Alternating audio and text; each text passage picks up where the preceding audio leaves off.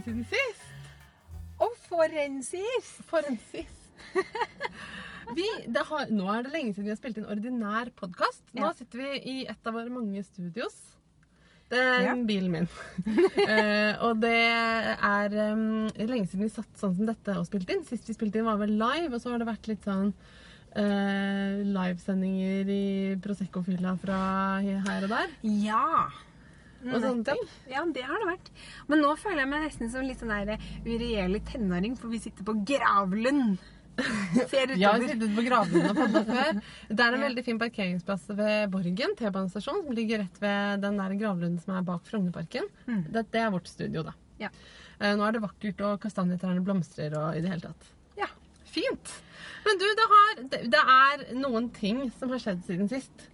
Eh, velkommen til episode Hvilket episodenummer er Det dette? er 26. 26. episode av Marte og Marte. Mm. Og denne episoden har vi tenkt at skal hete Matrimonio og mohair. Yes. Fint? Det er ganske fint. Ja.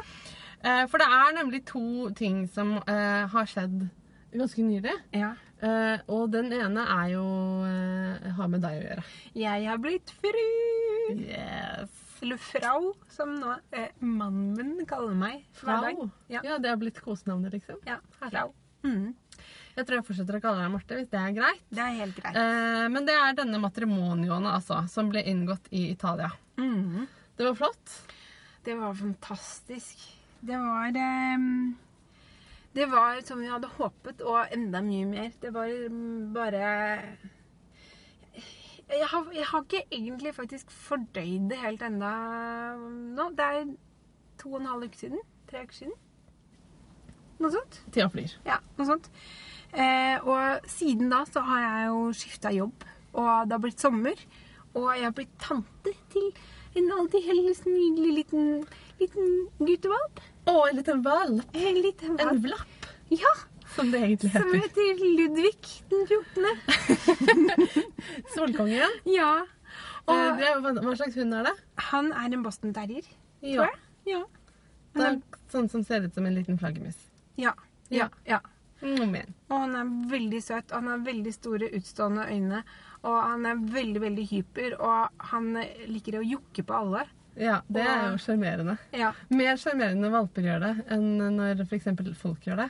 Ja. Men eh, likevel, sjarmen avtar når de blir eldre hos hunder også. ja. og han er veldig, veldig søt. Han eh, har glidd rett inn i livene våre. Men du, jeg føler Jeg må bare Det er så mye bra nå, så jeg må bare si den neste fantastiske tingen også, sånn Ja. at vi kan gjøre en Ja. ting. Jeg har okay. nemlig med meg noe her. Enda mer fantastisk. Ja, jeg har med en flaske uh. med bobler. Og nå har jeg allerede sagt at vi sitter i en bil, så da må jeg også si at disse boblene ikke har alkohol, og den skal vi sprette nå. Og en av grunnene til at vi skal sprette den, er at i løpet av april så gikk vi over 10 000 abonnenter i iTunes. Og hvis ikke det er spasa, så veit ikke jeg. Oh så her har jeg med noen sånne fantastiske eh, pro- Prosecco-glass til oss, som eh, på norsk kalles syltekopp. Ja. Og er sånne fine pappkopper. Du får en rød, for jeg vil ha den rosa. Den matcher håret mitt best. Og strikketøyet. Ja. Kan, hvis du kan holde de, Jeg så skal skal vi se om vi kan få et pop på denne episoden. Vi har jo hatt pop på episoden før. Det var da vi hadde Hvor mange var det da? 2500? Ja, eller noe sånt. Ja. Småtteri! Fantastisk. For nå er det 10 000. 10 000 mennesker som har klikka liksom abonner. Ja. Jeg mistenker OK, nå kommer pappa.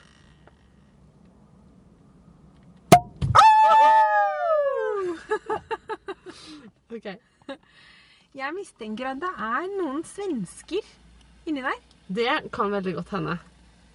Jeg har registrert at det har vært flere svenske kommentarer her og der. Det er veldig koselig. Veldig Fordi vi eh, norske strikkere, vi har jo Det er jo lenge siden vi eh, Eller vi har jo hørt på svenske podkaster lenge. Ja. Altså Stikkpodden og eh, Stick With Us og Rett Avgitt mm. og nor, nor, nor, Nordic Nordic Knitting og Ja. i det hele tatt. Nå hørte En podd om sløyd. Ja. Boblebrus. Ja. Den, den er veldig god, for den er ikke så søt. Eh, Hva er det vi drikker for noe? Vi drikker den er veldig god. Sparkling Non-Alcoholic Apple and Williams Pear. Dødsgod. Mm, mm, mm. Ja, flott. Og det er veldig bra å ha noe å drikke når man podder. Ja, det er Det som denne bilen mangler, er et skikkelig bord. Den Men- mangler rett og slett et sånn champagnestativ, Ja, det gjør den. faktisk. Winecooler. Men da er altså Feiring, feiring. Tusen takk, da! Ja. Til alle som gidder å høre på oss og abonnere på oss og sende oss hyggelige meldinger. og Ja. Jeg blir så glad. Jeg føler liksom at vi har vært litt fjernet i sted. Ja. Av opplagte grunner. Du har drevet og gifta deg. Ja. Jeg har jobba forferdelig mye. Eh, Fordi jeg ikke har en jobb, og da kompenserer man for det ved å jobbe hele tiden. ja. Det er typisk. Eh, sånn er det. Ja. Eh, Og så er det også litt vanskelig å podde uten deg, da. Når du driver og gifter deg og sånn. ja. Ja. Men det skal jeg ikke drive med så mye framover, da. Nei. Det er sånn som man prøver å gjøre så få ganger som mulig, tenker jeg. Kanskje, i løpet av et liv. Ja, altså vet du, man, eh, Dette var jo i Italia, så det var jo et eh, katolsk bryllup, dette her. Og i den katolske kirken, der gifter man seg jo ikke bare for nå. Der gifter man seg for neste liv og det etter der igjen, og hele jævla røkla. Ja. Til evig tid. Det er det presten sier i katolsk kirke. Nå er dere gift for hele jævla røkla. det, det er fint. Ja. Det Eh, høres mye finere ut på latin. ja. det er fint. Ja, Nei, Så, så framover så blir jeg litt mer tilgjengelig. Ja, men det skal være sommer, da. Så vi er jo sånn måtelig tilgjengelige om sommeren, stort sett. Men Ja. vi pleier å klare å få ut litt sånn småtteri om at vi ligger på stranda og sånn. Ja. Bra! ja. Men Marte, Ja. jeg klarer ikke eh, å holde meg så veldig, veldig, veldig, veldig, veldig mye lenger. Fordi at du har jo vært ute på gøy, du også. Jeg har vært ute på gøy. Ja, og jeg er så misunnelig og så nysgjerrig. Og jeg må få høre om turen din til Telespinn! Ja, for da allerede nå beveger vi oss da over fra matrimonio til mohair. Ja. Som jeg tror er liksom dagens hovedtema. Og Marte, fikk du ta på geitene? Ja. Nei, eller altså, de snuste litt på hånda mi, den ene. Okay. Men ellers så var de ikke sånn innmari sosiale. Å. Men de var fryktelig pene. Ja. Um, men jeg fikk ta på veldig mye uh, ull og garn og sånn. Det er jo også stas. Um, men ja, altså. Telespinn. Jeg har vært på telespinn i helga som var. Um, det er et lite mohairspinneri som ligger i Svartdal i Telemark. Og vi har snakka om telespinn før. Jeg skal si litt mer om når vi gjorde det. Jeg var ikke på telespinn aleine. Vi var eh, på et slags Altså kanskje det andre utstrikningslaget i år, på en måte. Eller kanskje et utsyngingslag. Det er i hvert fall sånn at Karin, eh, vår venninne som uh, uh, jobber på Folkemuseet annet, men hun gjør ikke bare det, hun er også sangpedagog, og hun synger sammen med meg Ja. i en gruppe som heter Tre sneller og et hespetre. Mm. Og vi har sunget på, alle, på Oslo Strikkefestival begge de gangene det har vært, annet. Mm. Og så vi måtte liksom strikke og synge og drikke Karin ut før ekteskapet, og samtidig øve i den steinkirka der hun skal gifte seg. En gammel, fantastisk steinkirke fra 1200-tallet i Kviteseid i Telemark. Oi. I nærheten av der eh, hennes eh, da blivende mann har hytte. Så der var vi, alle tre snellene og hespetreet. Karin, eh, Kristin, Miriam og meg og Mingus var Ja. også med. Mingus er den ene hunden min. Han er den dumme hunden. Jeg har to hunder. En dum og en nevrotisk. Og hver gang jeg sier det, så tenker jeg at eh, ja, de er egentlig ganske dumme begge to. Og egentlig ganske nevrotiske begge to også. Men den som er minst nevrotisk og mest dum, heter Mingus. Og han var med. Um, og vi, vi snellene og hespetreet, vi har jo et eh, Vi synger folkemusikk a cappella. Um, og prøver å ha et repertoar bestående bare av liksom, sanger som har med ull og sauer og sånn den slags å gjøre. Veving og spinning og strikking og sånn. Men etter denne turen kan jeg røpe at vi har utvida med litt uh, geitesang også. Fantastisk. Um, og et stev om Hjartdal, som er det området hvor Telespinn ligger. Så jeg tenker at denne episoden kanskje får alternative hvileskjær. Bare for å si det. Ja. Uhuhu. Um, på lørdagen i helga så sang vi i den kirka og sånn, og så satt vi i sola og bada i Telemarkskanalen og hadde det fantastisk. Men på søndagen, da besøkte vi Telespinn. Vi hadde en avtale med eh, Bjørg Minnesjord Solheim, som er daglig leder for Spinneriet. Og hun er en veldig kul dame som har liksom full kontroll Mm. på spinneriet sitt, liksom. Tenk å ha et spinneri. Så vi fikk omvisning på spinneriet, og så fikk vi kaffe og kaker, og så sang vi litt for henne, og så kjøpte vi garn. Og så så vi på geiter og nyfødte killinger. Var, og noen av de var født liksom dagen før. Og, av, og en, eh, et par av de eh, geitene lå der og peste og skulle føde den dagen. Ja, Det det, mye- har vi jo sett på den lille snutten som du la ut på Facebook. Ja, for det gjorde jeg mens jeg var der. Jeg Mm. spilte inn bitte lite grann både inne fra spinneriet og ute fra geitene. Mm. Hvor vi også synger en trall. Men altså, telespinn, det høres jo ut som en drøm. Tenk, Hvem har ikke drømt om å bare flytte til et helt usannsynlig vakkert sted og ha dyr og lage garn? Mm. Ja, altså, det er sikkert dødsmange som ikke har drømt om det. Men jeg har drømt om det. Jeg har drømt om det. Vi har drømt om det. 100 av oss i denne bilen har drømt om det. Ja, det er sant. Og det gjorde eh, Bjørg med Minnesund Solheim også. Hun fortalte oss nemlig at hun hadde bodd i Oslo i over 20 år da hun flytta til Telemark. Litt sånn plutselig, fordi søsteren hennes hadde flytta dit. Og så begynte de med, eller hun begynte med mohairgeiter bl.a. for å pleie og vedlikeholde kulturlandskapet.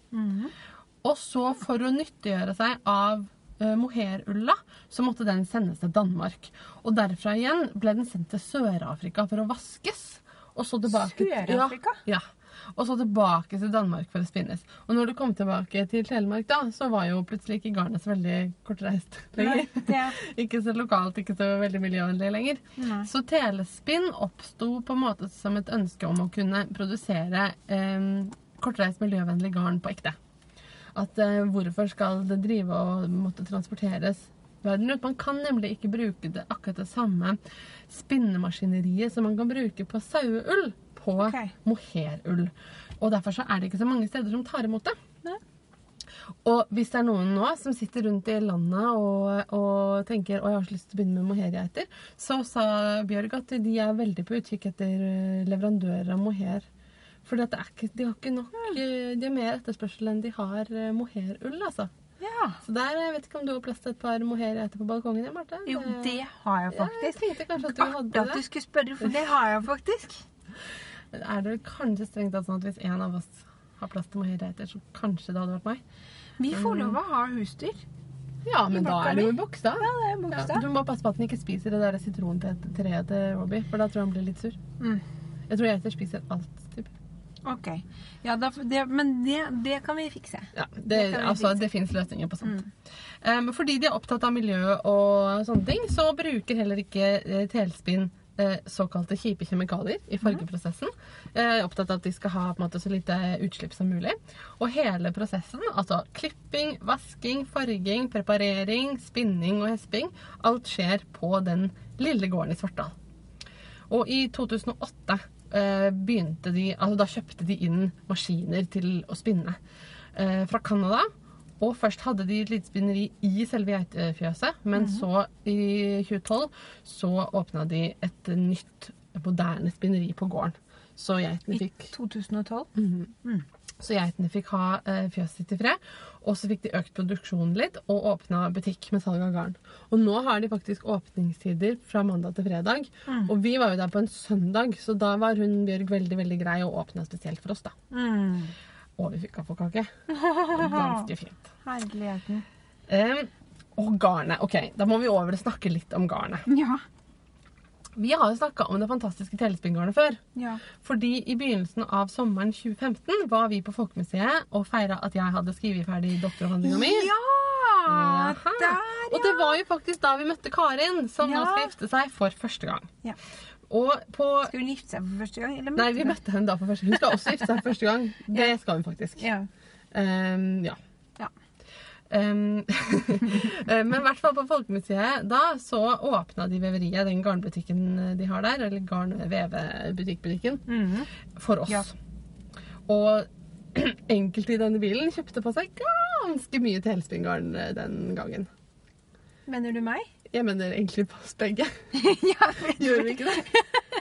Det blei noen jo på meg i hvert fall. Å gud, ja, vet du hva? Jeg kjøpte også uh, telespinn. Hva er det du strikka igjen? Jeg strikka den eh, Gjertrud-koften. Ja, stemmer det. Mm. Hvem, Jo, jeg tror det var der jeg kjøpte Hvilken farge er den? Sånn vinrød? Mm, nei, nei, nei, nei, den er helt fantastisk. Sånn grå Ja. med lilla. Men grå, Grå, men lilla, men Men grå. lilla. Mm, å, jeg Mm. elsker grå, men lilla, men grå. Den er så Litt sånn fantastisk. Jeg er en grå liten sau, nei, jeg er en enhjørning. Ja, ja, Mhm. ja faktisk. Faktisk. Mm. Fint. Jeg har jo strikka eh, en kofte som heter Singelingelang, som Ja. er designa av Tori Seierstad. Som har geiter på seg. Den har geiter på seg, og den er eh, designa for symregarnet til telespinn. Ja. Og jeg strikka den på sånn blågrønn bakgrunn med bare verdens desidert vakreste gulfarge Ja. og verdens desidert vakreste grønnfarge på. Ja. Og de er så pene fordi at de er ikke én solid farge tvers igjennom. Nei. Det er sånn at du kan sitte og se på den garntråden Mm. i liksom et helt liv og ikke Ja. bli lei. Ja. For det er så fint spill. Altså Man blir helt, man blir helt sånn der ja, Jeg får sånn samme følelse som jeg fikk av de peneste plastperlene mine da jeg var fire år. Ja. Den der du vet når det grøsser inni deg. Og kan, dere, dere som sitter og hører på, kan jo tenke dere hvordan vi var da vi så dette garnet for første gang. Og sto foran en hel vegg av det. Det tok sin tid.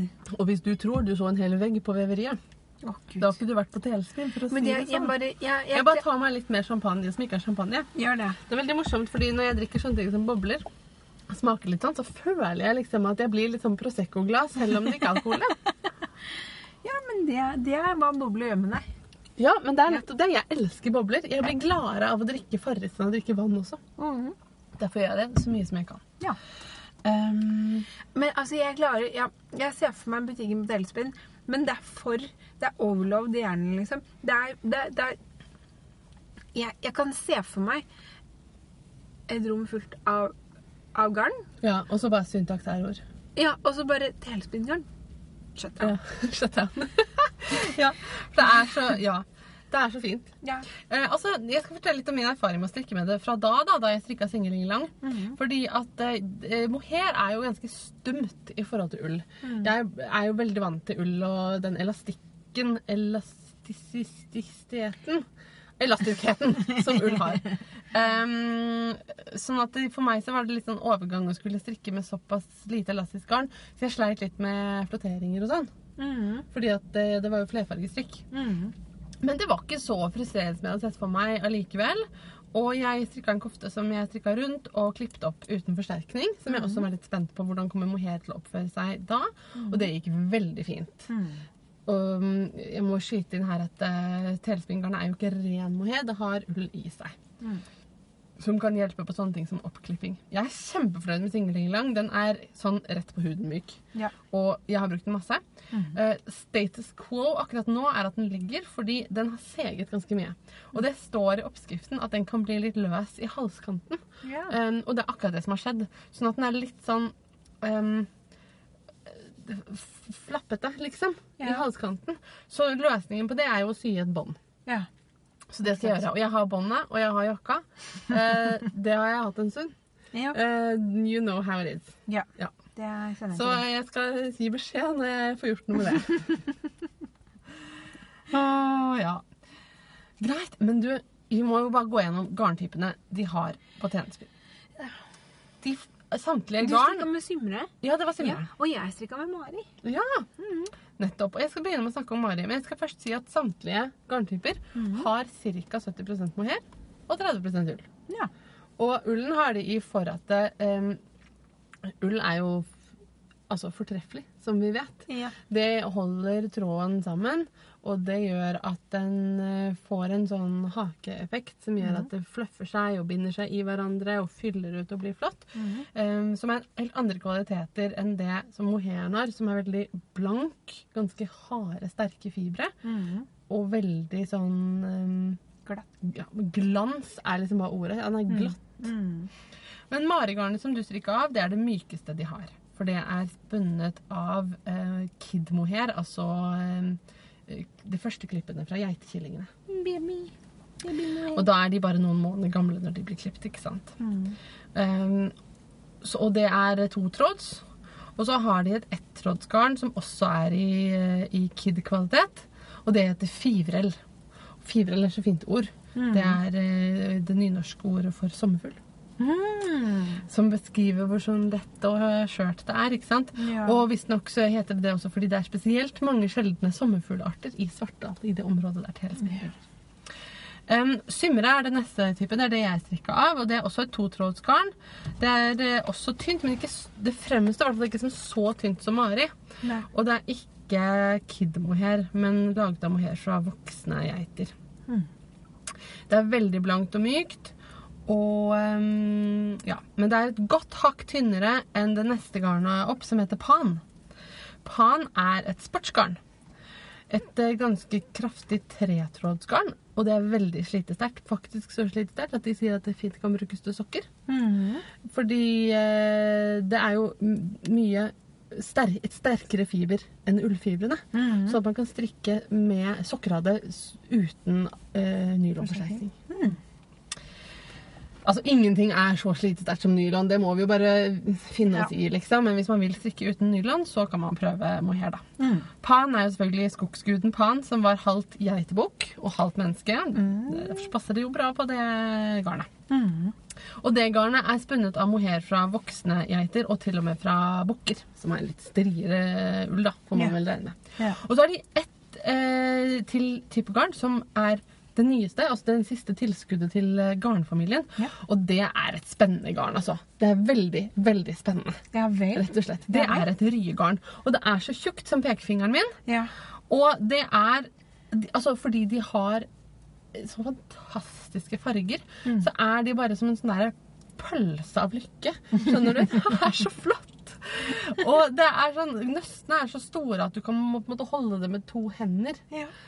Og de, man kan Ja. leve tepper av dem, altså gulvtepper. Men Pickles har jo hatt det Ja. fra telespinn. Ja. Mhm. Er det det samme?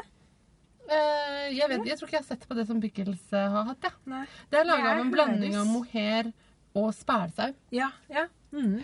Så det er ganske sånn um, grovt på en måte, men allikevel fint. Fordi at det er Det er så helt innmari sånn glansfullt. Ja. Altså, det lyser av det garnet.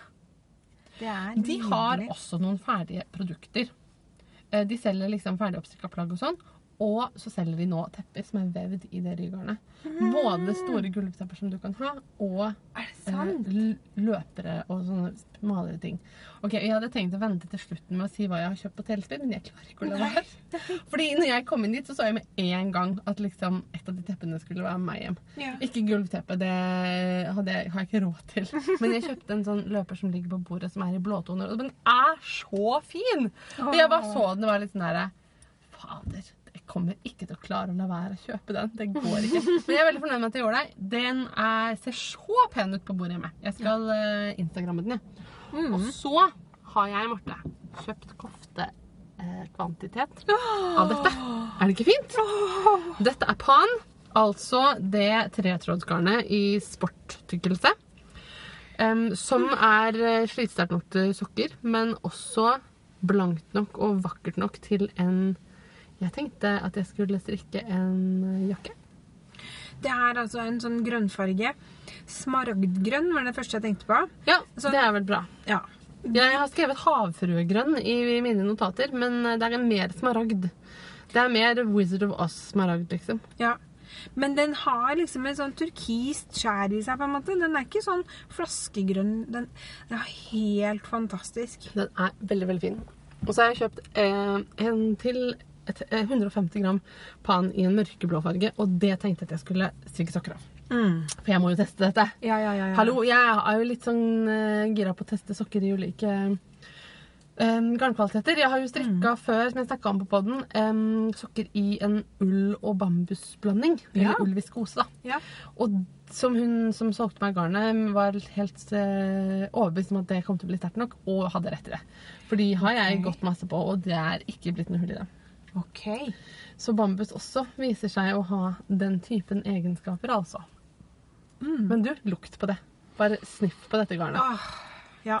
Det lukter nydelig. Det lukter som en eh, geit som har bada. Ja. Ja. Ja, og det er det jo. For de vasker jo ullen. ja. Det har jeg sett. I Hjertansdalen,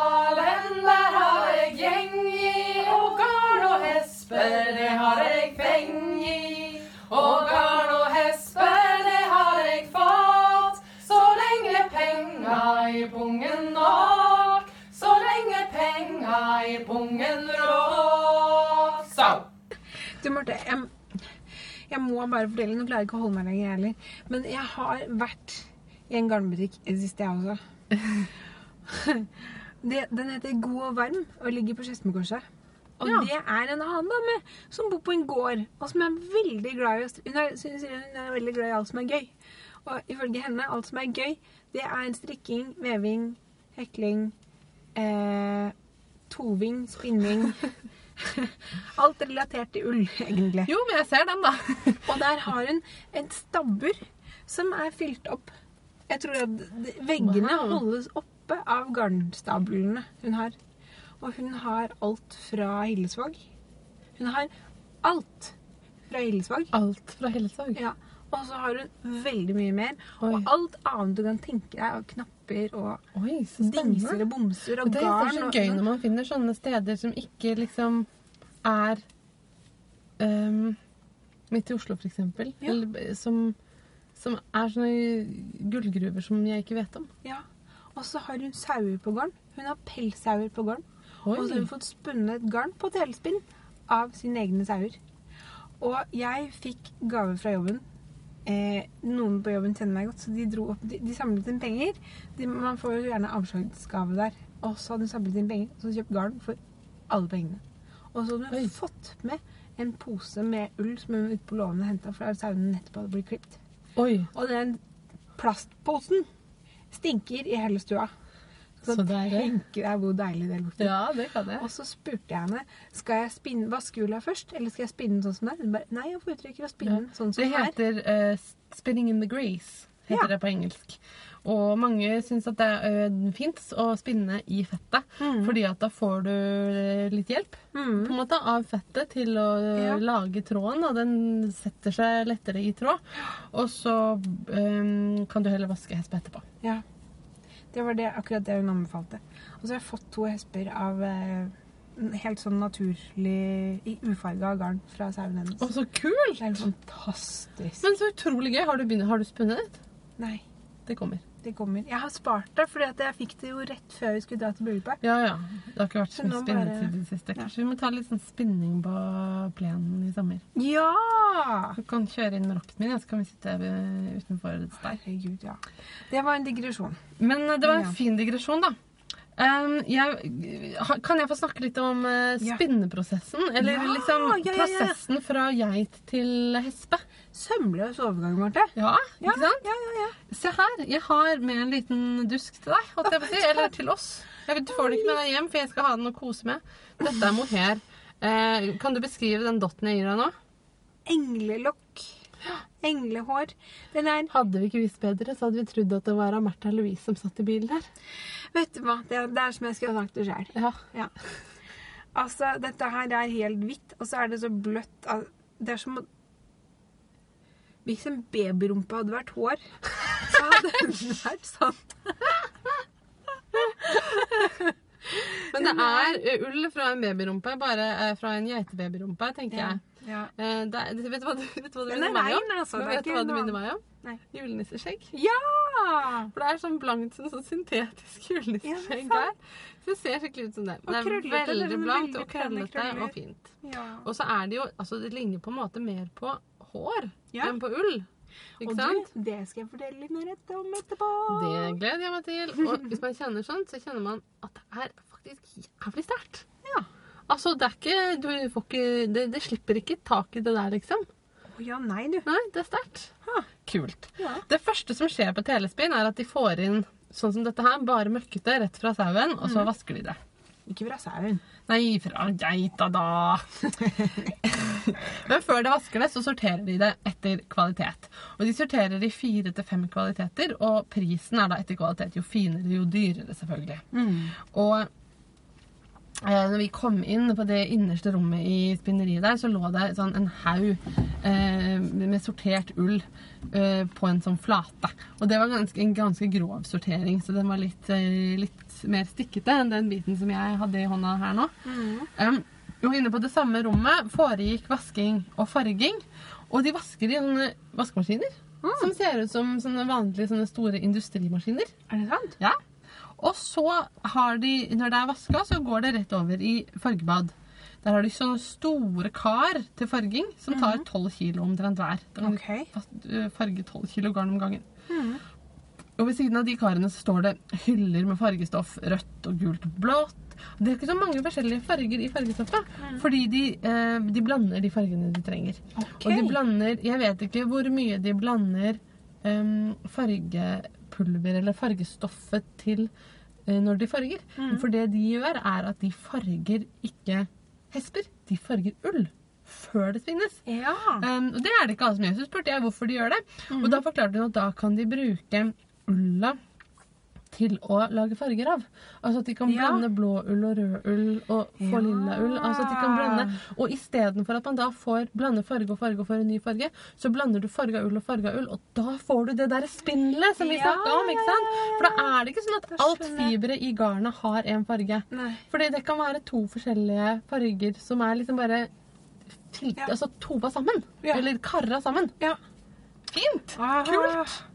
Og de eh, farger da altså både saueull og mohair. Ja. Eh, og når jeg kom inn og så alt, eh, alt det som lå utover der, da skal jeg si at jeg ble mo både her og der. oh, God. Nå skjønner jeg godt, Marte. Og så, vet du, etter at vi hadde sett på fargebadkarene, så bare åpna jeg et skap og var liksom, hva er, det, dette for noe? Og hun bare, å, det er tørkeskap. Og jeg bare, så gikk det bare et gisp gjennom forsamlingen. For inni det skapet så lå det bare sånn assurblå ull. Altså, Den var så blå at man aldri Den, den var havfrueblå. Den var så blå som liksom håret til en havfrue. Ja, det var helt fantastisk. Ja, men Ariel har rødt hår, Marte. Ah, Smariel, smariel. Um, men liksom Altså, for en farge.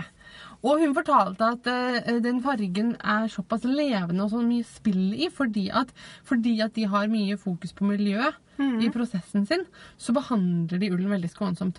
Og det som skjer da, er at den fiberen tar opp fargen litt ujevnt. Så de tar ikke opp fargen likt overalt, fordi fibrene liksom er litt ulike. Altså det, er u, det er som når, man, når jeg farger håret mitt, så tar den opp farger mer her nederst, for der er det slitt, enn det gjør her oppe, for der er det ikke så slitt. liksom. Og Ja. sånn oppfører da den ulla seg også.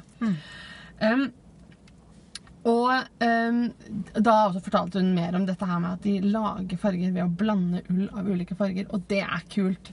For det, da ble jeg litt sånn ah, Da skjønner jeg hvorfor det ser ut som Ja. det gjør, liksom. Ja, ja. Og så gikk vi videre derfra, fra farge vaskerommet og inn i selve spinneribiten. Um, og der var det mohair og, og mohair og ull, og det var eh, mohair og det var moder.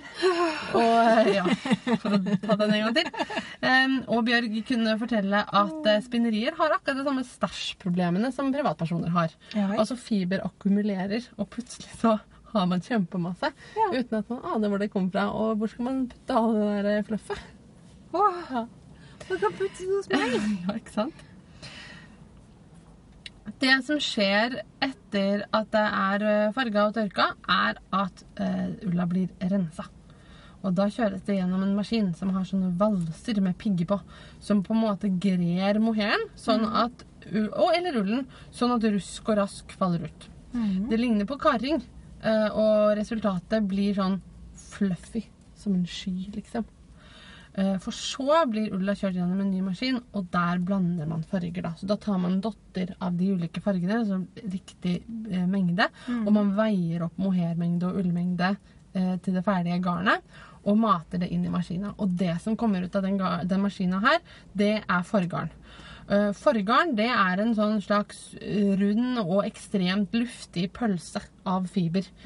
Som er Altså en Kembo-spagetti Mhm. Av eh, fiber. Og den som var her, den var så myk at den kunne vært silke. Og det fargespillet det gjør at det ser ut som enhjørningman.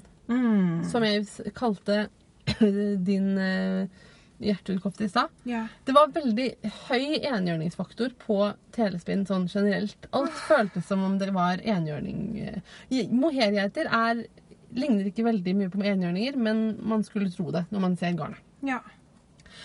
Um, og hvis man kjenner på den, eh, den uh, Kembo spagettipølsa som heter Forgården, da kjenner man hvor sterke de fibrene er også. Altså, selv om den ser veldig sånn Veldig tynn og fin og, og litt sånn ut som den kan ryke. Men det gjør den ikke.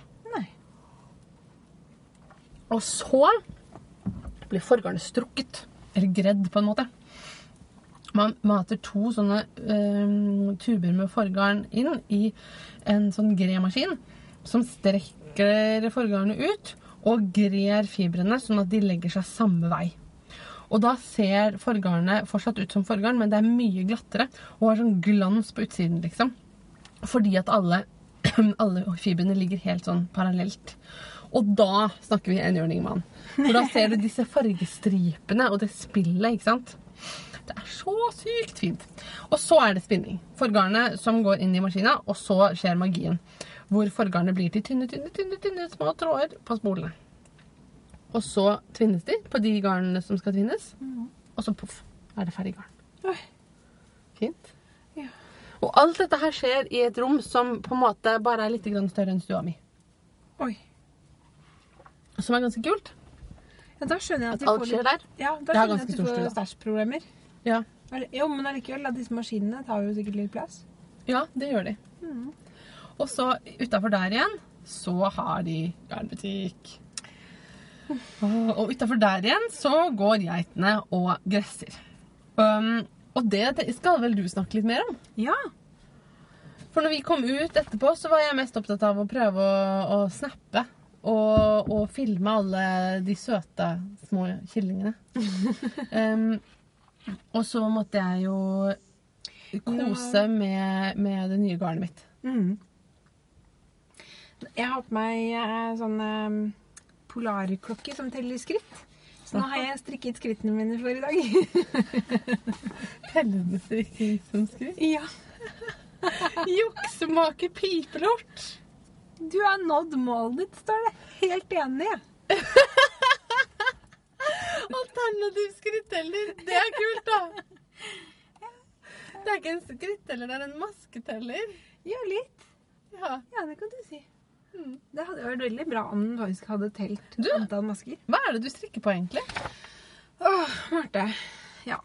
Jeg strikker på kanskje eh, det dølleste jeg strikka på på veldig lenge. Den er en fullstendig sikker vinner, altså en innertier. Og jeg, jeg er veldig glad i den allerede. Men eh, det er eh, Carpino heter mønsteret. Hvor er det fra? Brooklyn Tweed. Carol Oi, men det er vakkert. Det er en genser som er raglan. Og glattstrikk på alt unntatt den forsiden. Forsiden. forsiden. Og der er det et sånt Ja. hullstrikkmønster som er veldig fint. Ja. Veldig enkelt, men skikkelig flott. Den er veldig fin, og jeg så Eller jeg la først merke, sånn ordentlig merke til den da du og jeg spilte inn pod på Oslo strikkefestival. For mens vi satt der, så, så satt vi og så ut på folk som hørte på. Og der var det en i salen, Lena Crowley, jeg tror hun tror jeg, eh, som hadde på seg den. Og jeg husker jeg la at den var dødsfin. Og så snakket jeg med henne og spurte hva mønsteret het. Og så tenkte jeg at den skal jeg strikke. Og så da vi var eh, på studietur i Rotterdam i fjor høst, så kjøpte jeg garn som tilfeldigvis passer. Så nå Hva slags garn er det? Dette her, det kommer fra eh, et spinneri eh, Er det mohair i det, eller? Nei. Det er halvparten ull, halvparten alpakka. Ja. Og Det var så spinneriet heter glansfullt og fint. Ja, det er veldig fint. Det heter Ba Ram U. Ja, Baram You. Ja. Det har jeg hørt om. Det er kult. ja. Veldig kult. Det er veldig fint garn. Eh, det er, jeg vet ikke hvor i, eh, hvilket land det kommer fra. Er det Er det England? Jeg tror Baram You er britisk, men jeg er ikke helt sikker. Nei. Ja, det er fra, det er fra stor, de øynene et sted. Ja. Men ja. Eh, De har Brooklyn snakka om det på Pomcast, blant annet. ja. Jeg tror de har vært sponsa av dem. ja. Det er helt nydelig garn. Det er tynt garn. På pinne 3,5. Og det er, grunnen til at jeg syns det var veldig, litt sånn dølt å strikke på, var at jeg glattstrikken, det er jo helt sånn tanketomt. Bare la hendene gå. Ja. Mens det mønsteret på forsiden her, det er eh, Det heter honeycomb pattern. Ja, honeycomb. Og det er det Ja. det ser ut som. Eller man Ja. ser at det er det. Sånn, um, ja, hvis du ikke vet hva honeycomb er, så kan du google det. Og det er eh, da eh, strikk to sammen, strikk én vrang, kast. Ja. Strikk én rett. Så det er jo ikke sånn, Sånn, veldig ja. tenkemønster, det heller. Det er ikke veldig tenkemønster, men det er fire runder, alle er forskjellige. Å, Og så er det ikke alltid Du, du klarer ikke helt å se Hvor du er. på den. Det er ikke så lett å lese mønsteret, liksom, som man må huske. Nei, Altså, det er en sånn typisk genser hvor du blir gæren hvis du ikke lærer deg å lese det. Så etter Ja. hvert så skjønte jeg det jo, så, så kunne jeg begynne å lese og strikke samtidig og sånn. Men ehm, det tok litt tid, og da var det litt slitsomt. For det var ikke så spennende at eh, jeg liksom syntes det var veldig gøy å strikke. Og så, ja. Men nå er jeg på armen, og jeg er halvveis på den armen, så jeg er veldig fornøyd. Men jeg tenkte at jeg må ha sånn der, en skikkelig tivoliprosjekt etterpå. Jeg, nå, nå, nå, nå trenger jeg striper, og jeg trenger prikker og dotter og mest neonfarga garn jeg kan klare å finne. Har ikke du akkurat strikka en rød genser med plastperler på hele i masse forskjellige farger, som var ganske crazy? Var ikke det relativt nylig at vi så den? Eh, det, det Du har et vagt veldig lenge siden. Jeg, jeg. har lyst til å trekke fram den bare fordi at yes, den var så sinnssykt kul. For det var den du strikka på forrige gang Ja. vi spilte inn episode, som var live i mathallen. Ja. Og den ble ferdig, og du har Instagramma den, og den er jo så kul! Den er veldig, veldig kul. Veldig Og den er veldig crazy. Helt normal syns Marte. Syns den er ganske vanlig. Den klirrer når man går med den. Jeg vil å lage sånn, jeg òg. Ja. Jeg sitter jo her og strikker på min crazy genser. Ja. Eh, og den er jo ikke crazy i det hele tatt, i annet enn at den er i en tweed som har alle primærfargene som spetter. Og så er selve garnet liksom magenta. Ja, veldig magenta flott. Mm. Så det er liksom sånn, hvis jeg hadde planer om å slutte å farge håret rosa, så kan jeg bare glemme det nå, for nå må jeg gjøre det bare for å matche den genseren her, liksom. ja, ja, ja. Um, og det har gått litt eh, langsomt, fordi at jeg har uh, hatt en mye jobb av den typen jeg ikke kan strikke mens jeg gjør. Mm. Veiledning og sånn, hvor jeg må sitte og notere. Mm. Mens nå retter jeg bacheloroppgaver, og da kan jeg strikke samtidig. Så nå blir det mer eh, på denne her. Ja. Og nå er det jo ikke så mye igjen. Veldig, veldig, veldig kult. Nei? Jeg er snart ferdig med bolen. Ja. For den skal ikke bli så veldig lang. Jeg tenkte den skulle være litt sånn bare akkurat til buksekanten. Jeg må strikke noe i den Og jeg, hva heter det mønsteret jeg begynte med igjen? Ovenfra og ned-genser. Ja, og det eh, Jeg sier begynte med fordi jeg tror at jeg strikka omtrent halskanten før jeg la bort mønsteret. ikke fordi det er noe galt med mønsteret, men bare fordi at eh, jeg begynte å kjede meg. Så, og så var jeg ikke enig i fellingene i økningene. Nei. Så jeg lagde andre økninger som jeg var mer enig i. Mhm. Og når jeg kom ned til eh, under armene, så var jeg litt sånn Ja ja, hvem trenger oppskrift? Og så strikka jeg videre. Det er jeg helt enig Så jeg har ikke tenkt å forholde meg mer til den oppskriften, egentlig. For nå har jeg en ganske klar formening om hvordan jeg vil at den skal se ut nederst. Det er jo det som er så genialt med å strikke ovenfra og ned. At det, har du først Den, den tek mest tekniske delen, det er jo akkurat Du trenger egentlig bare oppskrift på oppleggskanten. Ja, nesten. En, ja, jo, den her kan man jo teste på også, men det eneste er liksom bare å få raglankanten såpass lang som man trenger. Men det kan man jo bare ta på seg og prøve. Ja, det kan man. Ja. Nei, altså dette, den Carpino-genseren her, den kom, det er mønster som Brooklyn Tweed har gitt ut. Og Brooklyn, Brooklyn Tweed, det er jo det som mitt eh, alter ego egentlig utelukkende strikker fra. Ja, Er det hun som bare strikker sånne duse naturfarger også? Ja. Ja. Ja. Brooklyn Twin. Men det gjør det jo faktisk nå. Den der er jo sånn øh, lys muldvarp. den er jo bare grisedøll. Men jeg tenker at jeg kommer til å bo i den. Sannsynligvis. Men Ja. det er jo ikke noe gøy å strikke med henne. Fordi problemet er jo sånn Ja, du har veldig mye morsommere. Fordi det, Du, dette er ikke så vanlig. Dette må vi nesten ta, ta bilde av. Ja, det må jeg nesten gjøre. Jeg tar fram telefonen min og tar et bilde med en gang. Ja. Fordi dette er jo fantastisk. Du sitter og strikker i beige Beige, brunbeige, liksom. Den er jo Jeg ville sagt grå med mye lilla i. Ja, ok. Men ja. Altså Jeg det, det som stort sett skjer Nå har jeg funnet ut av hva som skjer når jeg kommer inn i en garnbutikk. Jeg Og faller så et, ned hvor- et bilde til hvor vi holder strikketøyene opp og bare What?! Kult! Veldig bra bilde. Ja. Dere får se på Instagram senere. Ja. Nei, altså når jeg kommer i en garnbutikk, da faller jeg ned i hullet sammen med Alice. Og Ja. så havner jeg i, eh, i T-selskapet. Og det er jo det beste T-selskapet ever. Og vet du hva? Eh, Svigermor og jeg satt og så på eh, film nummer to. Jaha. Dubba på italiensk. Hun er alene. Og så kom svigerfar og Robbie inn og bare rista på hodet, og så gikk de ut igjen. Bare, Dere kan ikke sitte her og se på barnefilm. Men vi begge to bare det er så fantastiske kostymer! Oi, det er så mange karakterer der som er helt fantastiske. Jeg har jo ikke sett noe Ja. særlig Alice in Wonderland på film, men jeg har lest Louis Carroll opp i, mente, holdt jeg på å si. Opp Ja. og ned og fram og bak. Men jeg må si, altså, de filmene men, Stort sett så er alltid boka bedre enn filmen. Og man kan si hva man vil om historien i filmen, men det er noen der som har gjort en helt fantastisk jobb med kostymer og scenografi og alt. Det er, bare det er Si så hvilke filmer du snakker om, da, som man har sagt det. Alice Through the Looking Glass heter den. Ja, men det, er er da? ikke Ja, sant? ja, ja, ja, ja, ja spillefilm. Ja, med Johnny Depp og, Ja og um, Ok, kanskje jeg må se dette. ja. Ja, men de er, de er veldig kule, altså. Okay. De er veldig, veldig kule. do. Ja. Men eh, nå har vi snakka oss bort. Fordi Ja. at eh, jeg skulle jo eh, fortelle mer om mohair. Ja! Og eh, det er eh, Jeg har samla fun facts. Fun facts om mohair. Ja. Altså Jeg Jeg må bare si det med en gang. Jeg er glad i pus. Ja. Jeg setter pris på litt god pus. Og jeg har strikket flerfoldige angoragensere.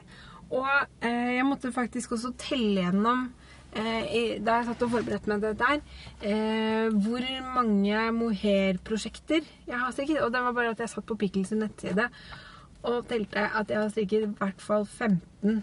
Wow! Jeg har strikka ett. Nei, altså ikke hvis man teller med alt det andre jeg strikka av rettegarnet.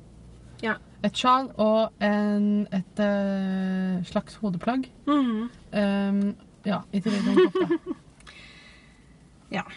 Altså, jeg, jeg liker det veldig godt. Det, Jeg er jo skeptisk da, til alt som ikke er ull, ikke sant? Mens du har jo strikka i angora og sånne crazy ting også. Ja. Altså, det, det er én ting som veldig mange sier eh, når de tar fram det der veldig pustegarnet, og spesielt eh, mohairgarnet, og så bare 'Å, herregud, det må være håpløst å strikke med'. Og ja, det kan det være. Så det er veldig, veldig, veldig viktig å få sagt at du må strikke med store nok pinner, og så Ja. må du ikke stramme så fælt. Du må Nei. jobbe med Men garnet. da tenker jeg kanskje at det er egna for meg, da, for jeg strikker ganske løst. Ja. Så det, det er liksom det som er litt trikset til å overleve et helt prosjekt med, med ja, veldig pusete mohairgarn. Det er å, å gi litt plass. Ja. Ja. Men Gi garnet rom for å være seg selv. ja Ikke prøve å tvinge det inn i en rolle du ikke er komfortabel med. Nettopp. Og den metaforen kan du egentlig bruke mange steder i livet. Bare Ja. så det er sagt. Eh, faktisk. Ja. Mm. Det kan være en grei tommelfingerregel, liksom. Enten det er garn eller folk. Ja, faktisk. Mm. Bra. Da Det var dagens visdomsord. Ja. La folk og mohair få være den de er. Skal vi ta et glass bobler vi, til vi på det? tar et glass bobler til på Vi må nesten drikke opp denne flaska. Ja. Takk Folk det. og mohair. Skal vi skåle også? Vi kan skåle. Nå tar vi båndski på denne her. Altså. nå renner den over. Nei, det går fint. Skål for folk og mohair. Folk og mohair. Folk og mohair! Nydelig. Altså, Marte, det er jo helt komisk, det der. For vet du hva mohair egentlig kommer fra? Mm, var det noen som sa at de ble mo både hair og day? liker bare hver gang. Det er tredje gang jeg tar den vitsen på én episode. Mohahair Nei, moe... Nei, nei, for gang helt. Ja, ja, ja. Eh, eh, det kommer fra geit. Det har vi Mohair må bare ha det. Nei, må bare he det. Hvis jeg hadde snakka sånn dialekt hvor de sier Må. he istedenfor har, Ja. skulle jeg sagt mohair må bare he det.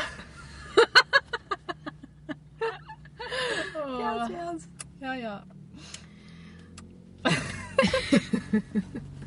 Hvor kommer mohair fra, Marte? Det kommer fra angorageita! Ja. Den har jeg venta på.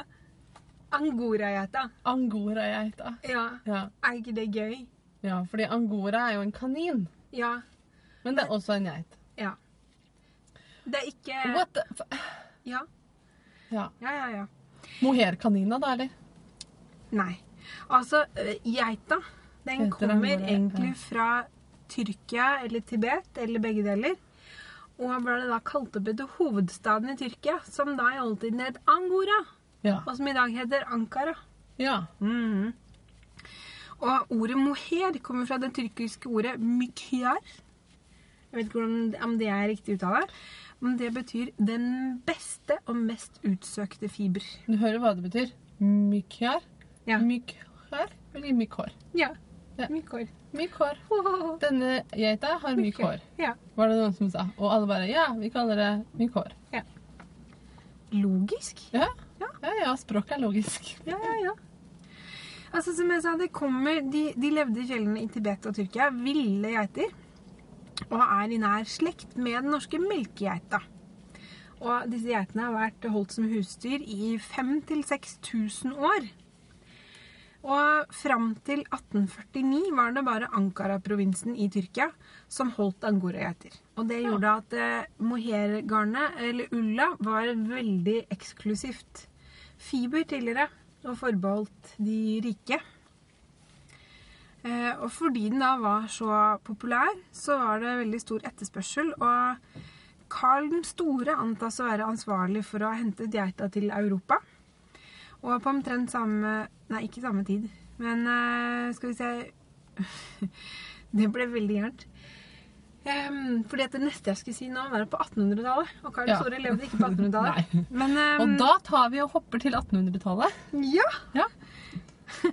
Ta et lite geitehopp.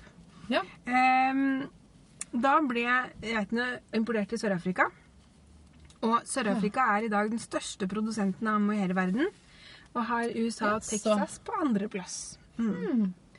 Og faktisk, her oppe i nord også, så fant man da eh, rester etter et sjal i mohair i Osebergdronningens grav. Oi, det visste jeg ikke. Jo, og det skipet ble bygget i år 820. Ja. Så man antar at hun har fått en gave, mm, altså en sjal- mohairsjal fra Konstantinopel, ja som hun fikk med seg i graven sin. Eh, Mohairgeitene fra- i Sør-Afrika ble jeg på et tidspunkt krysset med en annen type geit, som het boergeit. Og det gjør at de har litt feitere ull enn de asiatiske geitene. Og i Tyrkia så klipper de normalt eh, ulla bare én gang i året. Og dermed så er de også kjent for å ha de lengste fibrene. Ja, nettopp. Eh, Mohairgeiter de er som du sa, ganske små, og de har roligere temperament. Og så har de kjempefine ører som flopper ned. Store ører. Mye større ører enn jeg er vant til på geiter, tror jeg. Mhm. Og sånne floppy. Ja. Og både mannen og damen har horn. Ja. Ja. Det har vel de fleste geiter. er De har bare annerledes horn. Okay. Og så har de krøller Ja. på hele seg. ja. Og så har de små, små babyer som sier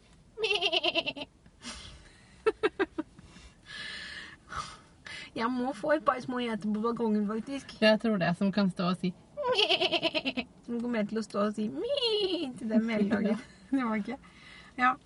De ser litt da ut som kanskje mellomting mellom vanlig geit og sau. Fordi de er litt krøllete. og hvite. Og hvite, ja. Ehm, ulla deres den vokser i lokker som blir ca. 20-30 cm lange på et år. Ja, for det hadde jeg tenkt å si at de på en måte er Hvis sauer på en måte er krøllete, så er de mer lokkete. Mhm. Altså, de er jo ikke frusete. De har jo sånne hårkrøller, liksom. Mm -hmm. det er det en god grunn til. Um, som jeg kommer litt tilbake til. Ehm, man klipper altså vanligvis ulla to ganger i året. Ehm, og én geit gir ca. to og en kvart kilo ull mm. per klipp. Den er ganske sterk og elastisk. Og relativt lik Altså sterkere og sterkere enn saueull. Elastisk det syns jeg er litt vanskelig å si, for at det, jeg også opplevde at garnet var litt mer trått å strikke med enn vanlig saueull. Det er jo ikke stumt på den måten bomull er stumt. Det er det Nei. ikke.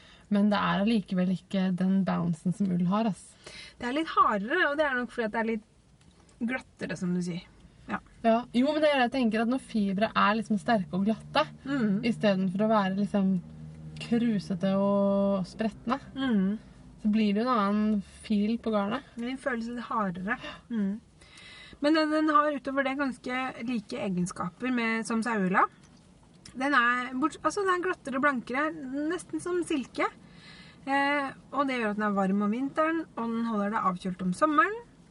Eh, den Ja, hva skal jeg si? Det, høres rart ut, den krøller seg ikke. Altså det eh, ryn, rynker seg ikke, på en måte. Hva skal jeg si? Sånn Ja. som lin, som bare Du setter Ja. deg ned, og så ser det ut som det har gått med en trøye i Ja, nei, mohair holder seg på en måte glatt.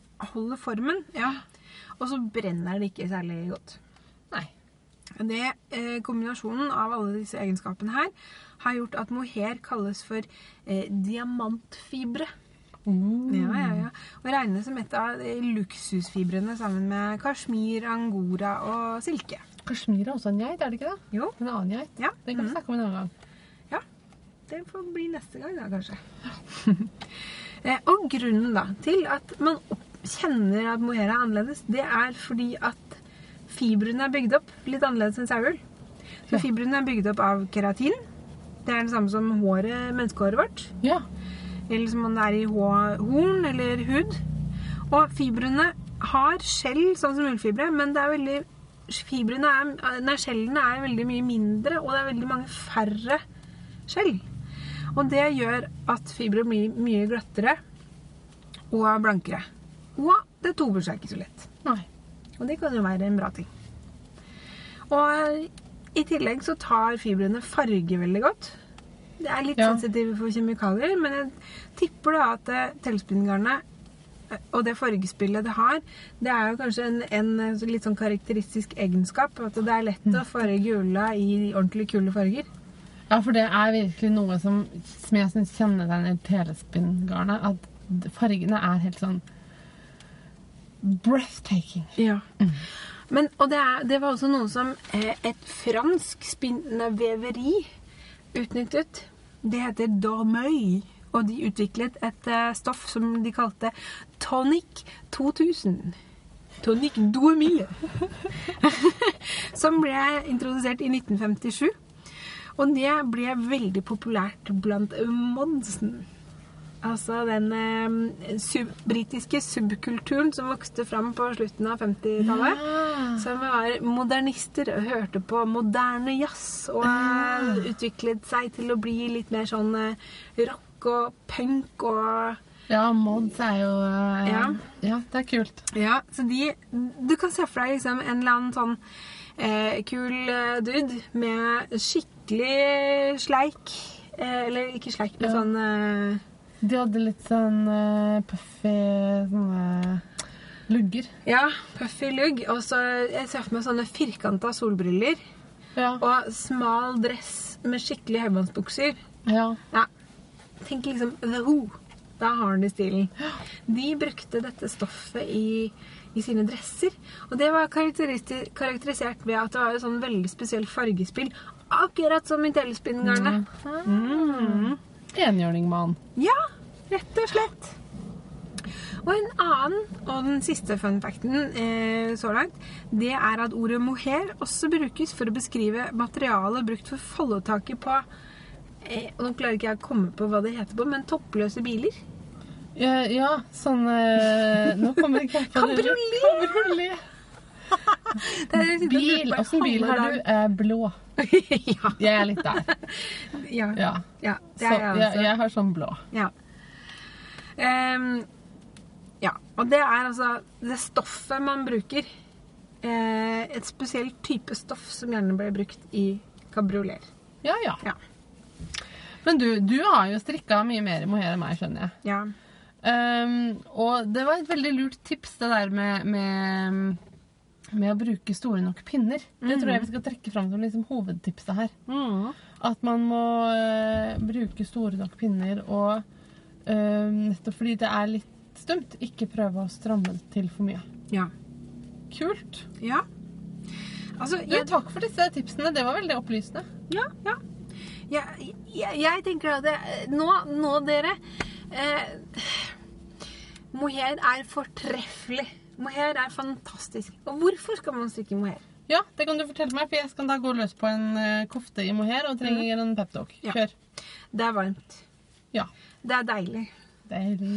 Ja, det føles Hvis du Altså, det garnet du har her nå, det er jo spunnet på på en litt annen måte enn det derre mohairgarnet som man ser for seg i 80-tallsgensere. fordi det må jeg bare si også at på en måte for hvis den referansen man har er pikkelsmohair, mm -hmm. så er det ganske annerledes enn eksempel det pangarnet som jeg har kjøpt her òg. Ja. For det er ganske mye mindre fluffy, Mm. det pangarnet også. Mm. Eh, mer um, likt garn du har sett før, på en måte. Mm. Men det har den glansen. Mm. Og så opplevde jeg når jeg strikka i Symre, at kofta har blitt mer fluffy i bruk. Ja. Den har fått en sånn glorie. Det er akkurat det jeg også opplevde. Og det var ikke jeg forberedt på helt. Nei. Og jeg syns at jeg, altså jeg liker at det er pusete utenpå, eh, som jeg sa i sted. Og når du, hvis du kjøper Pickles Big Fuzz for eksempel, eller Påfugl fra Dale, som er skikkelig de der 80-tallsgensergarnene, Ja. så ser du hva du får. sant? ja, der er det fluff på nøstet, liksom. Det er så mye fluff som det er mulig å få til uten at fibrene faller ut. Ja. Eh, og hvis du kjøper silk mohair, eksempel, som er en sånn annen kvalitet som mange forskjellige produsenter eh, har, som er en sånn syltynt garn ofte, Ja, med mye fluff. veldig mye fluff og veldig bløtt, så ser du også at det blir veldig fluffy. Du får den der eh, halloen, eller hva man vil si for noe, Ja. eh, rundt plagget. Mens eh, tellespinngarnet, det Når du ser det på hespe, så ser det mer ut som helt vanlig blankt ullgarn. ja. Og da jeg strikka Gjertrud-koften etter at jeg hadde brukt den en god del, da poffa den seg opp. Ja. Og blei egentlig som om jeg hadde strikka veldig tett med silkmoir. ja nettopp. Mm. Men hvordan syns du det ble? Var det fint? Ja, Eller var det ikke det du ville hatt til den kofta? jeg tror at det, kofta er fortsatt veldig fin, men for meg så ble det litt sånn rart, fordi at det var ikke det jeg forventa. Nei. Hva ville du anbefale å strikke i mohair, da? Jeg-? Altså, Gjertrudkoften den er en sånn kofte som eh, har poffarmer og er litt sånn formstrikka. Den er litt sånn snuppet og pen. Ja, snuppet opp igjen. Og med et hullmønster foran. Designet av uh, Maja Maja. Manufaktur. Og eh, den holder formen, og den holder puffen, egentlig. Men jeg ville foretrukket kanskje at jakkas form eh, kom litt tydeligere fram istedenfor Ja. den pusen. Så jeg ville kanskje valgt heller typ finull eller PT3 eller et eller annet sånt noe, da. Kanskje til den kofta. PT2. PT2. Ja. Tre eller sju. Ja. Men, uh, Men eh, mohair, så da ville jeg kanskje valgt plagg som er litt myke i formen. Ja. Kanskje en genser eller sjal eller Jeg vet at Karin kjøpte Symre til å strikke den uh, lun genser fra Pickles. Ja. Det tror jeg blir kjempefint. Det blir bra, vet du. Mm. Og så vet jeg jo at du har strikka sånne ting som den der dottekåpa og sånn. Ja. Ja. Og alt som er litt sånn stort og fluffy og mykt og varmt og deilig. ja. Den har jeg jo elsket i stykker nå, egentlig. De stakkars dottene er jo så flate at eh, Ja. den, jeg har brukt den så mye. Det er fint. Men en annen veldig stor fordel da, med Som jeg tror at det er liksom en av grunnene til at Pickles bruker det såpass mye i sine oppskrifter, det er at For de bruker jo veldig ofte ullgarn. Én tråd tynt ullgarn og én tråd silkemohair. Ja. Og det er at silkemohairen den er veldig veldig drøy og veldig tynn. Og pusen gjør at den fyller ut veldig hull, ja, hullene på måte. Å, jeg vet hvor du vil. Ja. Du kan strikke på tjukke pinner, og det går drita fort, og så likevel så fyller det ut og oppleves som et fullt tekstil, liksom. Yes. Ja da. Og det blir lettere. Ja, det veier jo nesten Det ingenting. veier jo nesten ingenting. Sånn at du kan strekke plagg som har eh, eksempel da eh, den derre topp ned-genseren til Biggles. Som jeg strikket i én tråd Den som jeg strikker på nå, bare Ja. ikke i fluff. ja, merino-tweed og én tråd silkemohair. Den er strikket på pinne seks. Wow. Ja. ja. Og silkmohairen er jo så tynn at du skulle strikket den på pinne én alene, kanskje, hvis du skulle hatt den helt tett. ja. Og merino-tweeden skal du gjerne strikke på pinne to og en halv, tre og en halv, liksom. Ja, jeg strikker den på tre og en halv nå, Ja. fordi at jeg Det var det jeg hadde. Ja. Og det, det betyr jo bare at den, de, kombinasjonen gjør at du får fylt ut veldig mye, og så veier det veldig, veldig lite etterpå. Ja. Og det er ganske deilig. Det er veldig behagelig å gå med det. Og så siste punkt, som også er ganske viktig å nevne, det er at hvis du liker fussy ting, så er mohair veldig veldig bra fordi at det røyter veldig mye mindre enn angora. Ja, angora er sånn røyteglans. Angora har jo veldig, veldig korte fibre. Ja. Og jeg tenke deg mohairfibrene. da. Hvis du klipper eh, to ganger i året, så får du kanskje 15 cm langere fibre. Ja. De filtrer seg inn og spinner seg inn i, i tråden mye lettere. Og så hvis man bruker mohair, så skader man ingen kaniner. Nei, fordi angoraindustrien er jo pill råtten. Ja. Det spørs jo hvor man kjøper angora fra, da. Ja. Ikke kjøp kinesisk angora. Bare Nei. ikke gjør det. Nei. Og hvis du trenger en grunn, så kan du google det sjøl. Jeg orker ikke å snakke om det. Nei. Det ikke google. Ja. Bare ikke kjøp det. Det er jævlig. kjøp snill angora fra lykkelige kaniner som du kjenner selv. Ja. Um, Spør i butikken er disse angorakaninene glad. Mm. Og hvis svaret er ja, strikk med glede. Ja. Hvis ikke, kjøp mohair. Ja. Ja, rett og slett.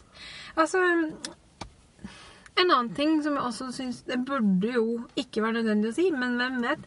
Du må ikke stryke angora. Mohair? Mohair. Ingen Ja. av delene. Ikke stryk noen av dem. Nei. Fordi at da, da blir det ikke fluffy og poffete Nei da blir fluffen lei seg og flat. Ja. Ja, ikke gjøre sånn. Så hvis det da har flata seg litt fordi du har brukt veldig mye, så kan du vaske det, og så riste det når det begynner å bli litt tørt. Så åpner det seg litt opp igjen. Mm. Kult! Nå syns jeg jeg har lært mye. Ja. Bra. bra. Og mohair er gøy. Mohair er gøy, mohair er bra, mohair er sunt for kroppen. Som fiber generelt. Ja, ja, fiber er veldig det. viktig, men det er, veldig, det er viktig å få nok fiber. Enten det, er mohair eller ull eller Det er viktig med mye Alle vet det at for å holde deg frisk, så trenger du fiber. Ja. Alle vi som driver med, med fibersport, som strikking er. ja. Ja. Jeg trenger definitivt fiber for å holde meg frisk. Ja. Ja. ja. Både på den ene og den andre måten. Ja, ja, ja, ja, ja.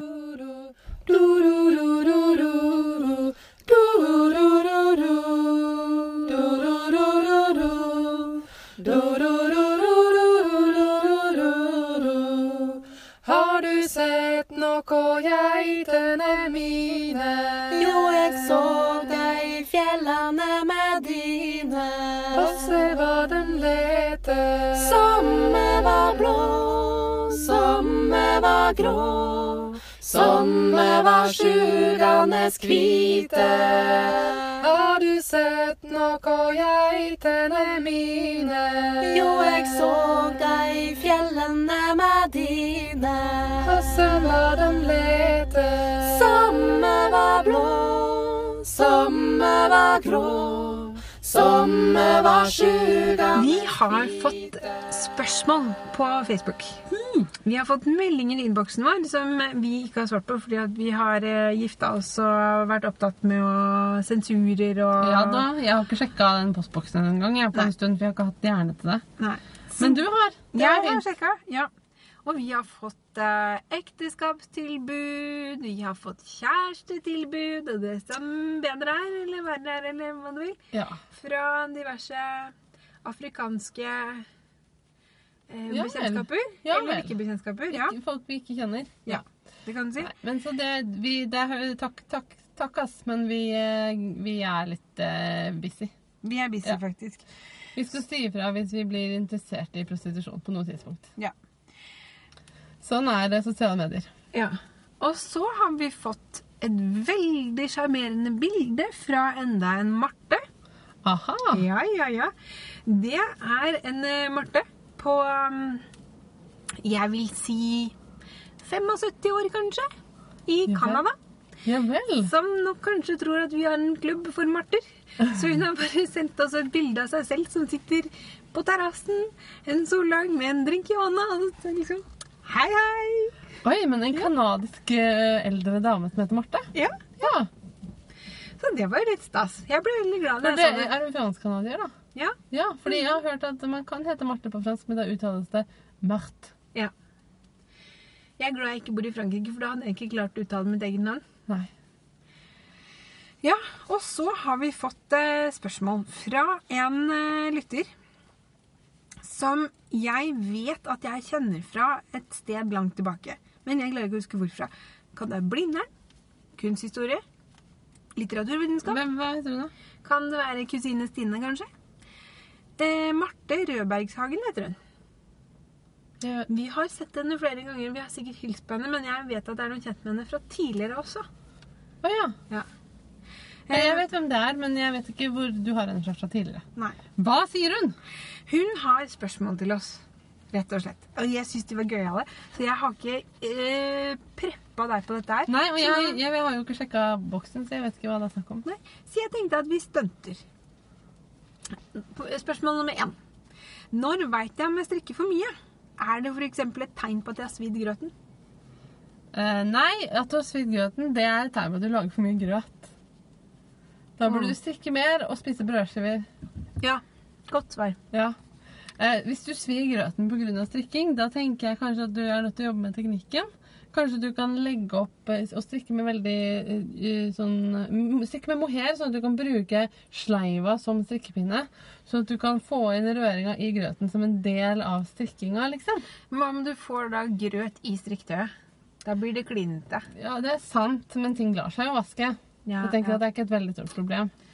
Eventuelt så må du få inn en sånn rytme med liksom uh, masker liksom, time sånn 1, 2, 3, 4, 5, 6, 7 Rør, rør, rør, rør, rør. 1, 2, 3, 4, 5, 6, 7 Rør, rør, rør, rør, rør. Ja. Ja. Men nå tror jeg kanskje at du mener svidd grøten i metaforisk forstand. Å ja. Mm. Jeg fikk anmerkning da i heimkunnskapen på ungdomsskolen fordi jeg leste eh, Tommy og tigeren mens jeg rørte i grøten. Ja. Det, man skulle visstnok eh, konsentrere seg på skolekjøkkenet. Jeg skjønte ikke helt eh, problemet, for å være helt ærlig. Skjønner fortsatt ikke helt problemet. Så hvis min gamle heimkunnskapslærer hører på dette Jeg skjønner fortsatt ikke problemet. Fuck det. Svei du grøten? Nei, jeg rørte jo i grøt. Jeg bare leste samtidig. Meningsløst å ja, henge seg opp i sånt. Ja. Ja. Altså, å strikke for mye er et ukjent problem for meg. Altså, jeg strikker ting generelt litt for kort. Jeg har strikket ting litt for langt noen ganger. Hmm. Hvis du glemmer deg bort eh, Du må prøve på jevnlig for å sjekke at du får den lengden du skal ha. Og så må du tenke på at noen fibre strekker seg. Hvis det er veldig glatt, for eksempel, så strekker det seg. Det langt. Jeg har alltid vært redd for å få strikke ting for kort, jeg, og så strikker jeg alltid for langt. Mhm. Ja, men da Ofte. kan jo du burde jo egentlig du kunne strikke, strikke på dette spørsmålet. Strikke på dette spørsmålet. Svare på det. Nei, jeg, jeg kan jo ikke det, for jeg har jo ikke løst mitt eget problem. Nei. Jeg syns jeg har svart fint, jeg. Da må vi komme tilbake på det du kanskje Mer egentlig spurte strikking, mindre grøt, kort og langt. Eh, er like trangt. Greit. Spørsmål to. Jeg, jeg, jeg, den er gøy, så jeg kunne tenke meg å vente den til slutt, men det rimer så fint, så jeg vil ta den nå likevel. Ja, ta den, nå. Spørsmål to. Er det innafor å strikke på do? Selvfølgelig! Altså, det er bare du som vet hva du gjør på do. Ja, Alt er innafor på do. ja, faktisk. Det syns jeg. Synge i hårbørsten innafor. Strikke innafor. Bare husk å legge fra deg eh, strikketøyet før du tørker deg. Jeg kan ikke se det eneste problemet med å strikke på do. Jeg, at jeg liker ikke Garnkurv på do. Ja. Man burde hatt et eget dostrikketøy. Ja. Jeg er ikke så glad i å sitte lenge på do. Nei. Det, jeg kjenner Du burde prøve å få noen barn. Da er det noen ganger det eneste stedet i huset du får lov til å være i fred. Ja. Ja. Ja. ja, men strikk i vei. Det er ikke noe gærent med det. Nei, det syns jeg ikke. Eh, hvordan feste tråder? Hvor stikker jeg nåla inn i strikketøyet når jeg skal skjule og feste tråden? Dette er jo et uh, spørsmål man egentlig kan bruke en halv episode på. Fordi eh, der finnes det ulike schools of thought. Noen fester diagonalt, altså nedover i bulkene på baksiden. Um, og noen fester loddrett, og noen fester vannrett. Jeg er jo generelt uh, superfan av å strikke inn de der trådene etter hvert Ja, som du ja. skifter garn, sånn at du bare kan klippe dem av når du er ferdig. Ja. Men det er vanskelig med flere farger, Mm. Det er vanskelig. Helt enig. Strikk det inn der du kan strikke det inn. Og i Det er veldig sjelden at man ser eh, ser hvor det er blitt dobbelt. For garn er stort sett litt ujevnt. Man strikker litt ujevnt, så det ser du ikke. Og det gjelder jo også hvis du fester med nål etterpå. At det er ikke, altså Om du fester den diagonalt nedover i masken Det jeg pleier å gjøre, er jo på en måte å stikke nåla gjennom selve tråden, og ikke liksom gjennom masker. Nei. Sånn at du egentlig fester i em, Gjennom eh, garntråden, da. Ja. Det er jo én riktig måte å gjøre dette på, dere. Og det er jo vannrett. Diagonalt nedover. Ja, Det jeg pleier å gjøre, er at jeg gjør som deg. Altså, for Guds skyld, ikke knut, knyt, Knyt. knuter. Nei, det er sånn strikkefy. Men eh, så plutselig strikker man i bomullsgarn, og så bare er det ingenting som funker bortsett fra å knyte det. Ja, Da må du, så må du, men generelt sett, prøv å ikke gjøre det. Og i ull er det helt meningsløst å knyte knute på garnet. Ikke knut. Nei, Det blir bare for trangt og stygt. Og pluss at en knute blir en hard liten ball som du kan kjenne og se. Mm. Mens hvis du vever tråden inn i de andre trådene, så blir den helt usynlig, fordi sånn er ull. Det har Ja. magiske evner. Ja. Enhjørning-evner. Ja, faktisk. Du er veldig på enhjørninger om Ja, men det ble litt det. Det ble liksom store enhjørningspodden. Ja. Ja. ja, ja. Men det er veldig fint med enhjørninger, da. Det er veldig, veldig fint. De har, jeg, jeg tenker at de har sånn glitter på seg som blinker Ja, ja. hele tiden. De har det, Mm. tenker jeg jo. Altså, Om du velger loddrett, eh, diagonalt eller vannrett Jeg tror poenget for at det faktisk skal sitte godt og synes så lite som mulig, det er som Marte sa, å ta nåla, og så prøver å stikke den mellom fibrene. Og så holder det med kanskje et par centimeter bortover eller nedover. Ja, ikke fest deg i hjel, liksom. Nei, og så tilbake igjen. Og da må du prøve å liksom tre gjennom den tråden du allerede har sydd, for da låser de endene seg mot hverandre. Ja. Og når du da har fått skylt opp den, så er det fylta så inn i hverandre at det er ikke mulig å få opp igjen. Så det er veldig greit. Fire. Fins det et regnestykke for hvor mange masker man skal ha i en knappestolpe? Ja. Nei. Altså Sånn som jeg forstår spørsmålet, det er at hvis du har klippa opp en jakke og skal plukke opp masker Hvor mange masker skal du plukke opp per Å ja, Rad sånn, oppover, liksom? Ja, nå Ja. skjønner jeg. Ja, ja, ja, men Ja. det gjør det jo. Ja. Eh, Jeg pleier å plukke opp tre for hver fjerde. Ja. Altså eh, tre masker på fire Mm. rader. Ja. Um, det er jo et cirka-tall, og det kan jo hende at det ikke alltid funker, men jeg tror det er lurt å i hvert fall hoppe over noen. Altså du plukker ikke opp på hver rad, du plukker Mm. opp tre og hopp, Altså, ja. Tre Ja. på fire.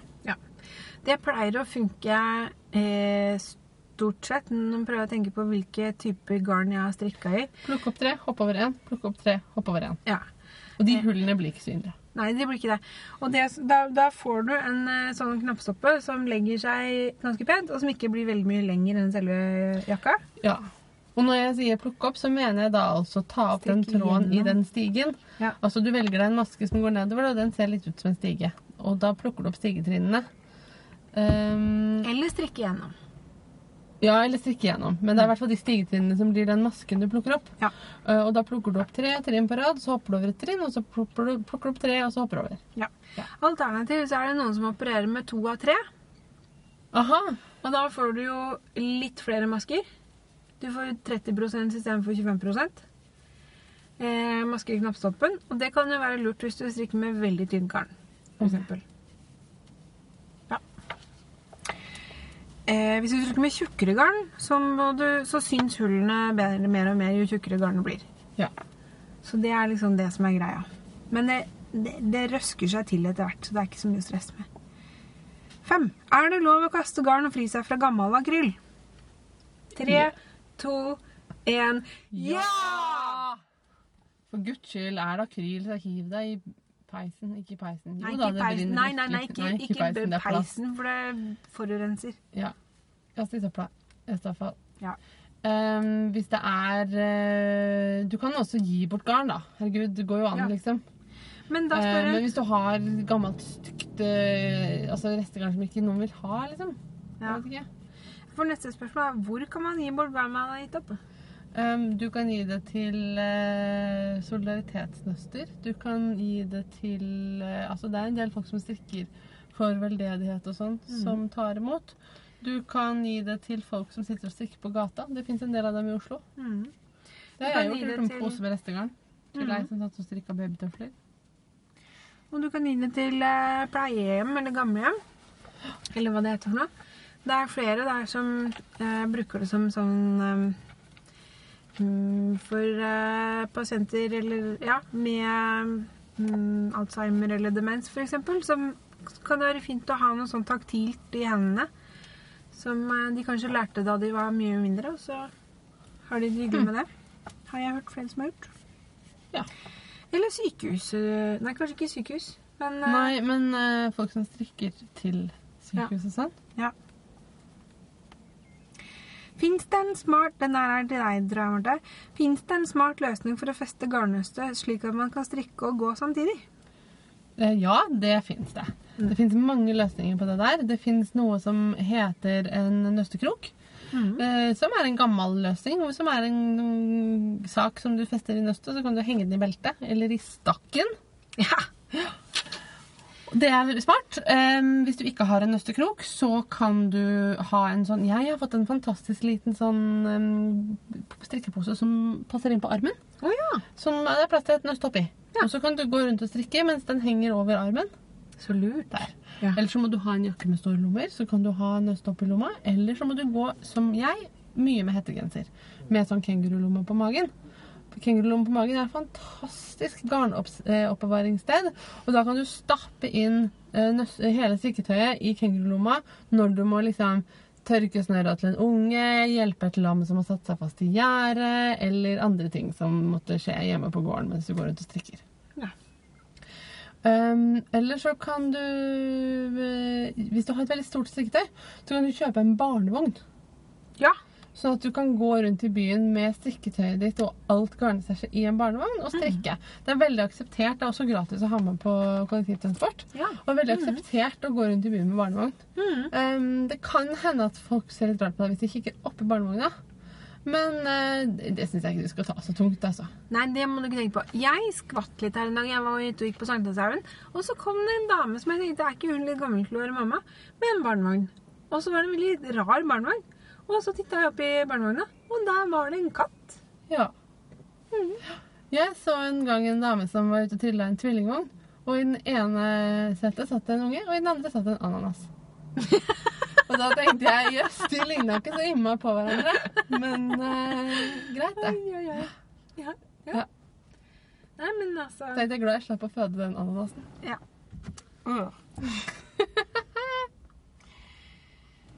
Da var det siste spørsmål. Og så Ja. tror jeg vi er ferdig for i dag. Ja, det tror jeg. Hvis jeg strikker en stripet genser i hvit og en sterk farge, hvordan kan jeg unngå at fargen smitter over i det hvite når den skyldes og vaskes? Jeg kan da ikke vaske garnet på forhånd. Eller? Altså, hvis det er et garn som faktisk farger av så mye, så må du nesten gjøre det, faktisk. Men jeg har aldri opplevd at et garn blør så mye farge at det faktisk ville farga av på det hvite. Men kanskje. Jeg strekker veldig lite i hvitt, da. Ja. Det kan være et lite problem at du ikke vet det før du faktisk prøver å vaske det. Ja, Og da står du der med sånn her bleik turkis-hvit farge, liksom. Ja. Det som er eh, viktig, da, husk på, er at um, eh, Og da glemte jeg det, vet du. Hva er det som er viktig å huske på? Jo, at eh, strikketøy ikke skal ligge i bløt. Ikke første gangen i hvert fall. Du skyller det opp, tar det opp av vannet, sentrifugerer det eller tråkker det tørt, eller et eller annet så lar det ligge flatt. Og første gangen så slipper er det, Hvis det er mye overskuddsfarge i garnet, så slipper det gjerne taket første gangen. Og så er det ikke Og da må problem- du ikke la det ligge i det fargevannet, ikke sant? For da blir det hvite farger. Ja. Eh, Men altså, hvis det er altså Du kan jo på en måte Det du kan for gjøre, er at du kan ta en eh, garnstump av hver eh, og vaske dem litt sammen og se om eh, den hvite garnstumpen blir blå, da, hvis det er blått du har av den andre fargen. Og hvis det blir det, hvis det på en måte blir det bare av å bli skylt opp sammen, da tenker jeg at da har du ikke noe valg. Da må du vaske det farga garnet. Ja. Og da er det ganske mye jobb, fordi da må du først Hvis det er på nøster, må du hespe det. Hvis det er på hesper, så slipper du det. Og så må du vaske hespene. Og da vil jeg la dem ligge litt i bløt. Mm.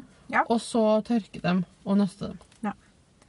Og det som selvfølgelig er den riktige tingen å gjøre da, det er å strikke prøvelapper Og vaske dem. Og vaske prøvelappene. For det skal man jo uansett gjøre, så da er det Ja, bare og da får du jo smekk. sjekka strikkefastheten din også. Oi, Så løsningen løsningen ja, på dette her problemet her er bare å være en sykt flink pike og gjøre det man skal.